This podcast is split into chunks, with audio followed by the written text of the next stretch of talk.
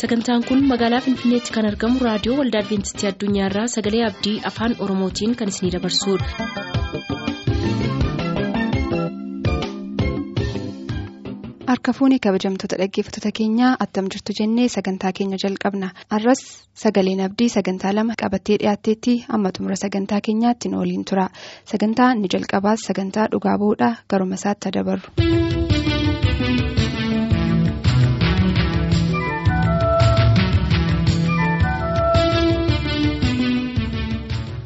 Araarriif ayyaanna waaqayyoo isiniif baay'atee har'as warra jiraatan taatanii reediyoo sagalee abdii dhaggeeffachuudhaaf reediyoo keessan kan saaqqattan hundumaatiin harka fuunee akkam jirtu isiniin jechaa sagantaa dhuga ba'umsaa jalatti dhuga ba'umsa obbo abdiisaa torban sadiif isiniif dhiyeessinee turreerra har'a kutaa arfaffaa isiniif dhiyeessinaatii nu waliin tura.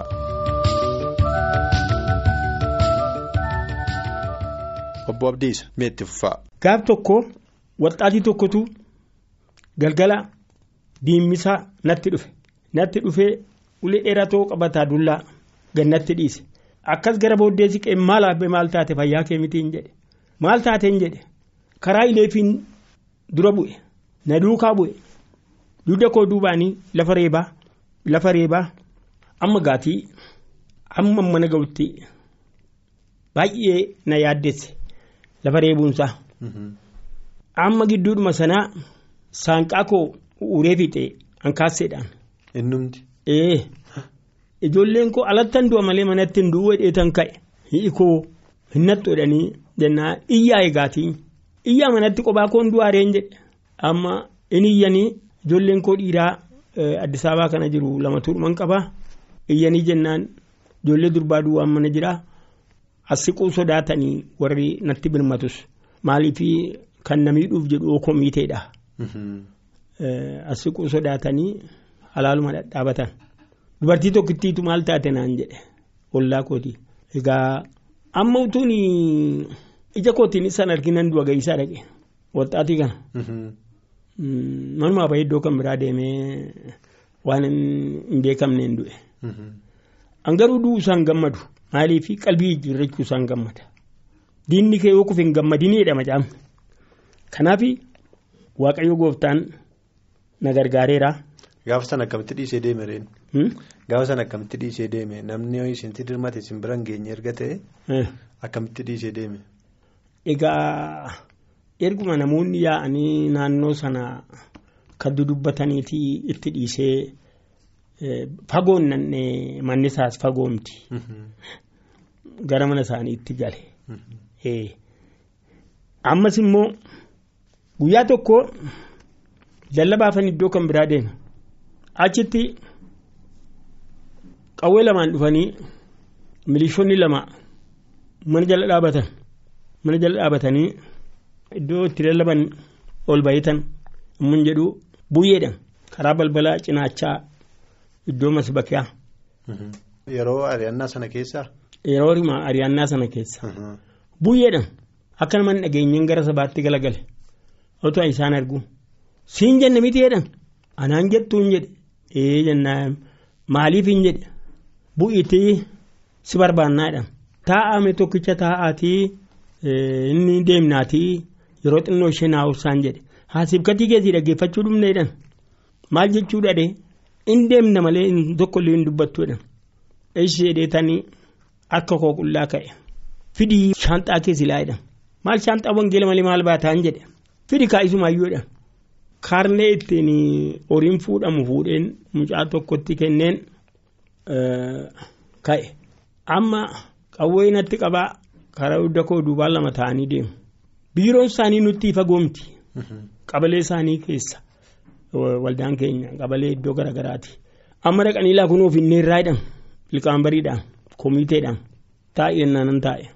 Firshaanxaa kanaa jedhan hoo kaan jedhe liqaman bariidhaan banii ennaan isinumti banaan jedhe meeshaa qabaa ennaan meeshaan isaa cimaadhaan jedhe haa inni meeshaan isaa jedhan lafa galaga gashan jedhe boombii keessa keessa jedhan boombii caalan jedhe maal jechuu keetii ennaanii maal hiittanii ilaaltanii reen jedhe hiikee liqaman bariin ilaalee gadi gombisee shaanxaa koo urgufee kanuma meeshaan jennaan kun cimaadhaan jedhe haa ta'uutii eeyyusii bakka akkati qabalee keenya keessa deemtee wangeela lallabduu turee raamanii wangeelatti hin jedhe. Maal ati waldaa keenya dhufaa turte? Amma dhiifte malee maal tureera hoo? Erga wangeela lallabuutti ka'e har'aan jedhe.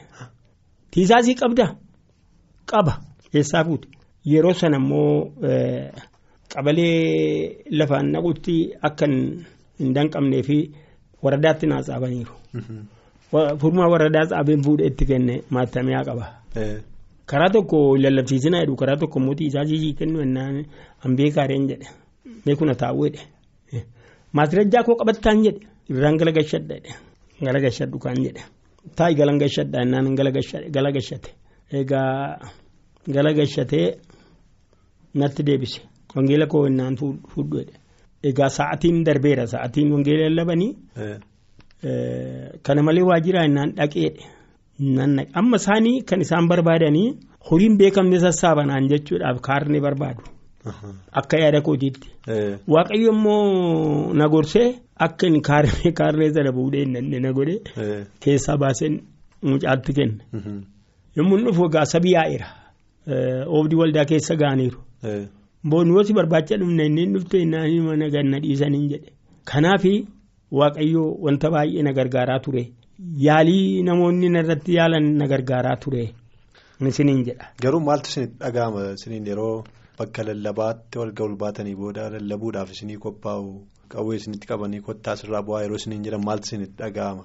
Egaa wanti natti dhaga'amu gara mana sagadaati gara abboota biyyaatti isin goototu sanni jedhe. Gara mana sagadaati gara abboota biyyaatti isin goototu inni jedhe narra ga'uu isaatiif nan gammada. Duras immoo reebameen ture bara jaano garafameen ture. Sibiilaan na hidhaniiru. Garuu du'a tokkitti hin naafe. Kiristoosiif utuu hin du'e lubbuun koo nan mararu. Maaliif inni soonaa du'eera. Kanaaf kuni anaaf waan danma turuunuu birqii miti. Hamma lubbuun koo isa harkatti yoo baateen jaalla. Kanaaf gammachuu keessan ture. Gammachuu kooti. Yoo rakkinni isin irra ga'u kana hundumaatti. Kan gaddi ta'etu ta'e itti gammadaa turtan jechuudha. Gammachuu guddaan qaba. Gammachuu guddaan qaba. Obbo Abdiisaan yeroo rakkinaa akkasii keessa sodaaf abdii kutannaa tokko malee wangeela lallabaa turaniiru. Aniif isinoo yeroo lallabuuf bilisummaa guddaa qabnu kanatti ammam waa'ee yesuusiin namootaaf dhugaa baana kan jedhu isinumaaf dhiifnee kanarraa xumuruudhaan torbeef beellama qabannaa nagaatti.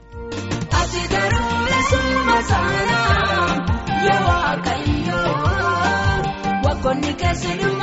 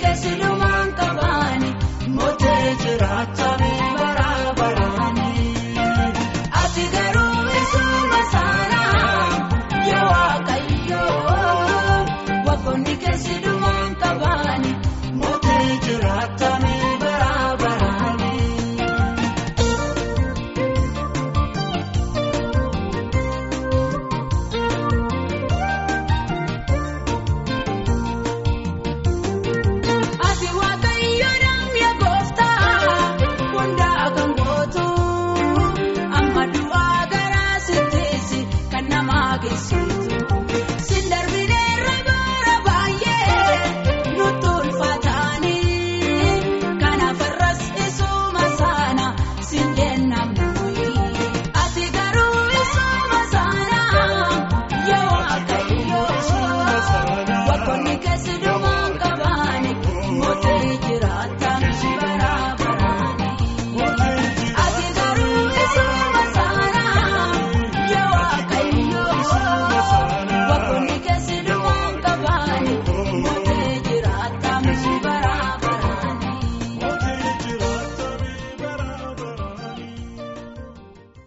immoo gara sagalee waaqayyootti dabarru.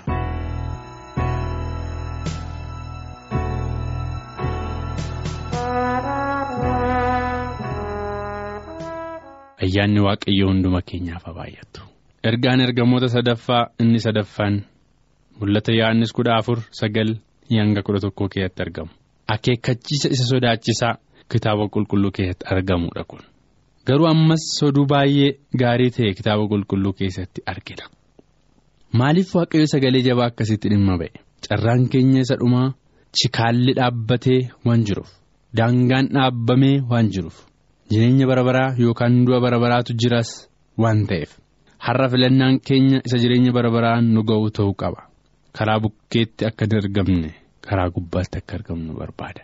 Barxemiyoos gooftaan yesus bartoota isaa wajjin karaa gubbaa deemaa yommuu ture karaa bukkee taa'ee kadhata ture. Gooftaan ija isaa yommuu fayyise garuu karaa gubbaatti deebi'e.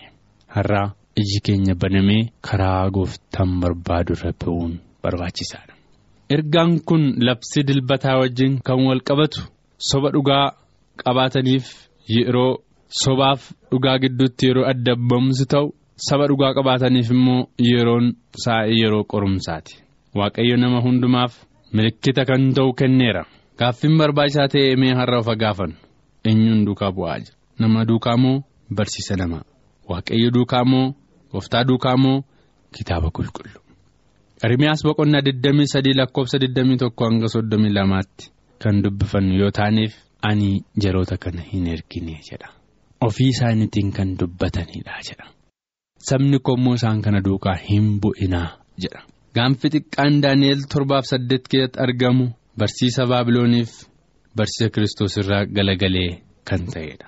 Jawwichi hamaa isa waaqa jiraataan mormudha. Baabiloon kitaaba qulqulluu akka jallistetti kan hiiktu kitaaba qulqulluunis kan mormitudha. Har'a namoonni kamiyyuu kitaaba qulqulluun kan mormuuf jallisee kan barsiisu walitti dhufeenya Baabilooniif kan qabu bu'aa biyya lafaa kan barbaadanidha. Karaa tokkicha isa ta'e yesus duukaa buunee macaafa qulqulluutti amannee jireenya bara baraa argachuu qabna. Kanaaf har'a kan nuti ilaallu ergamaa inni sadaffaan yommuu raawwatu balballi haraaraan cufama. Sabni waaqaa bokkaa booddee fudhateera waan ta'eef. Ergamaan waaqa keessaa fuula duraa ba'ee ajaja waaqa harkaa fudhatee warra mallattaan mallatteesseera waan ta'eef. Yeroo kana yesus hojii araarsummaa isaa hin dhaaba. Harka isaas bal'isee raawwateera jedha. Yeroo kana ergamoonni waaqaa gonfoo isaanii ofirraa fuudhanii mul'ata 22:11 keessatti kan jedhu jallaana jallatu tolaan tolu kan jedhu hin raawwatama. Hojiin keenya kamiyyuu du'aaf yookiis jireenyaaf murtee qaba. Kiristoos saba isaa biteera akka fayyaniif. Cubbuu isaanis balleesseera. Warra fayyan mootummaa waaqaa samaayii dhaalanii gooftaadhaan gooftaan gooftotaa mootiin moototaa isaa akka ta'e himuudhaaf jiru. Kiristoos warra dhiiga isaatiin bitateef bulchiisota mootummaa isaatiitti hin fudhata. Cidii olichaas hin ta'a. Mootummaa isaaf guddina mootummaa isaa isatti amanan warra dhaalaniif hin kenna. Innis mootii moototaa gooftaa gooftotaatiif bulchiisa saba isaatii hin ta'a. Kanaaf yesus jedhee hankaraadha. Dhugaadha jireenya. Macaafni qulqulluunis ergaa dhugaa hafuura qulqulluu nuuf kennuudha. Kanaaf ergaa sobaa kitaaba qulqulluu hin deeggaramne. simmeetiidhaan ta'urraa of eeggachuu qabna wangeelli bara baraa kun sagalee guddaadhaan erga lallabamee booda biyya lafaa kanarratti xumurri hin ta'a. Mallatteeffamuun gingilfamuun labsiin dilbataa bokkaan bara booddee erga ta'ee booda dhiphinni yaa'ii saba waaqayyoo hin qaqqabata yeroo sanaa saba isaa kan jabeessu gooftaan ergaa isaa saba isaatiif in erga. Har'a yoo laalleef milikkita yeroo. baay'een isaa raawwataniiru. Aduutti urjiitti beekumni lolli baay'achuun sochiin lafaa qabeenyaatti hirkachuun jireenya ofii gadhiisitti jiraachuun wanta qulqullaa'aa ta'e mormuun biyya lafaa kana irratti baay'ateera. Wangeelli mootummaa kunis biyya lafaa irratti lallabamaa jira. Milikkita hundumaa ol ta'edha kun. Har'a afaan dhibba shanii oliin dubbatamaa jira. Kitaabni qulqulluun maatiyoos 24 irratti mul'ata yohannis 14 hanga 15tti kan jiru kana. har'aa lallabamuu qabaa jedha kiristoosiin filachuu duwwaadha gara jireenya bara baraatti dhaquu kan dandeenyu dhalachuu haaraa shaakaluuf biyya lafaa kana dhiisuutu nurra jira karaa jaalalaa ayyaana waaqayyootiin bara baraan jiraachuu dandeenya waan ta'eef. Qulfii sirrii ta'e waa'ee ergaa isa sadaffaa hubachuu qabna. Waaqayyo gara sagalee isaa gara seera isaa isa qulqulluu dhiibnee jireenya bara baraa akka argannuuf cimsinee nu kadhata. Yommuu ergaa isa sadaffaa kana dhaqnu waaqni jaalalaaf faraaraa kun warra sagalee waaqayyoo fudhachuu didan bineensichaaf sagadan yommuu gubaman hubachuu namatti ulfaata. Mee dhiphinaan mana ga'u ayaan har'a qulfiin jireenyaa nurka jira. Har'a waaqayyoof abboomamuun utuu yeroo qabnu nurka jira. Warri abboommi waaqayyoo eeganiif amantii yesus qaban bara baraan jiraatu. Warri badan garuu gooftaan yesusitti waan hin amanneef abboommi isaas waan hin eegneef ilmi namaa fayyisuuf barbaaduuf yommuu dhufu baqachuu isaanii argina. Kanaaf sagaleen waaqayyoo akka jedhu akkana biyya lafaa jaallateera waaqayyoo jedha. Gatii tokkotu itti hin baasin. Akkasumatti biyya lafaa jaallateera. Isatti kan amanu hundinuu akka hin banne jireenya bara baraa akka qabaatu jedha. Kanaaf har'a hundumti keenya affeeramneerra. Gooftaan fayyinaa akka tokkicha fayyisaa keenyaatti akka fudhannuuf. Hojii keenyaan fayyuu hin dandeenyu. Gara waaqaatti kan nama geessu yesus hin duwwaadha. Hojii ergamootaa afur kudha lama keessatti fayyinni yesus kiristoos duwwaadhaan malee kan biraatiin tokko illee hin jiru jedha. Ittiin fayyuun kan ta'u ilmaan namootaatiif kan kenname warra yesusitti amananiif jireenya bara baraa akka qaban dubbata. Ibiddi nama balleessu baabilooniif duuka buuta isheetiif qophaa'ullee warra isatti amanan biraa akka hin geenye dubbata. Yesuusin jireenya haaraa jiraachuu hin danda'amu. Jireenyi isaanis gocha biyya lafaarraa galagalaniiru. Seera waaqayyoo eegu waan ta'eef. Kanaaf har'a namni kamiyyuu isin hin goomsin barbaachisaa miti waaqatti amanuu seera waaqayyoo eeguun jedhe. Yesuusii wajjin maal hojjechuu qabna? Akka tokkicha fayyisaa keenyaatti fudhanneerraa duukaa buuneerraa seera waaqayyootti hin jiraannaa akka geggeessaa jireenya keenyaatti hin fudhannaa isaafis hin abboomamnaa sanyiin ilmaan namaa bakka lamatti qoodamee warra yesus duukaa bu'aniif warra seera waaqayyoo eegan kitaaba qulqulluutti amanan warra biyya lafaa duukaa bu'aniif baabiloon jawwicha duukaa bu'an warri yesus duukaa bu'an hin fayyu warri kaan immoo hin baduu jedha kitaaba qulqullu. Kanaaf har'a sagaleen waaqayyoo akka jedhutti sagalee waaqayyoo kanatti amannee. jiraachuun barbaachisaadha. Warri hin amanne wajjin abdii fayyinaa olaanaatti akka hin argamneef abdii fayyinaa alatti akka hin argamneef har'a qophaa'utu hunda jira. Bakka abboonni keenya jalqabaatti kufanitti waaqayyoof sagaduu hadhiifnu sammuu namaa hundumaa gara qajeelchaaf fayyinaaf ergaa fayyinaa kana haa ilaalu. Makara isa dhumaa biyya lafaarra waan ga'eef kana goonee warra mootummaa isaatti galaniif ergaa waaqayyoo kana. fudhatan akka taanuuf waaqayyo hunduma keenyaa gargaaru maqaa isaatiin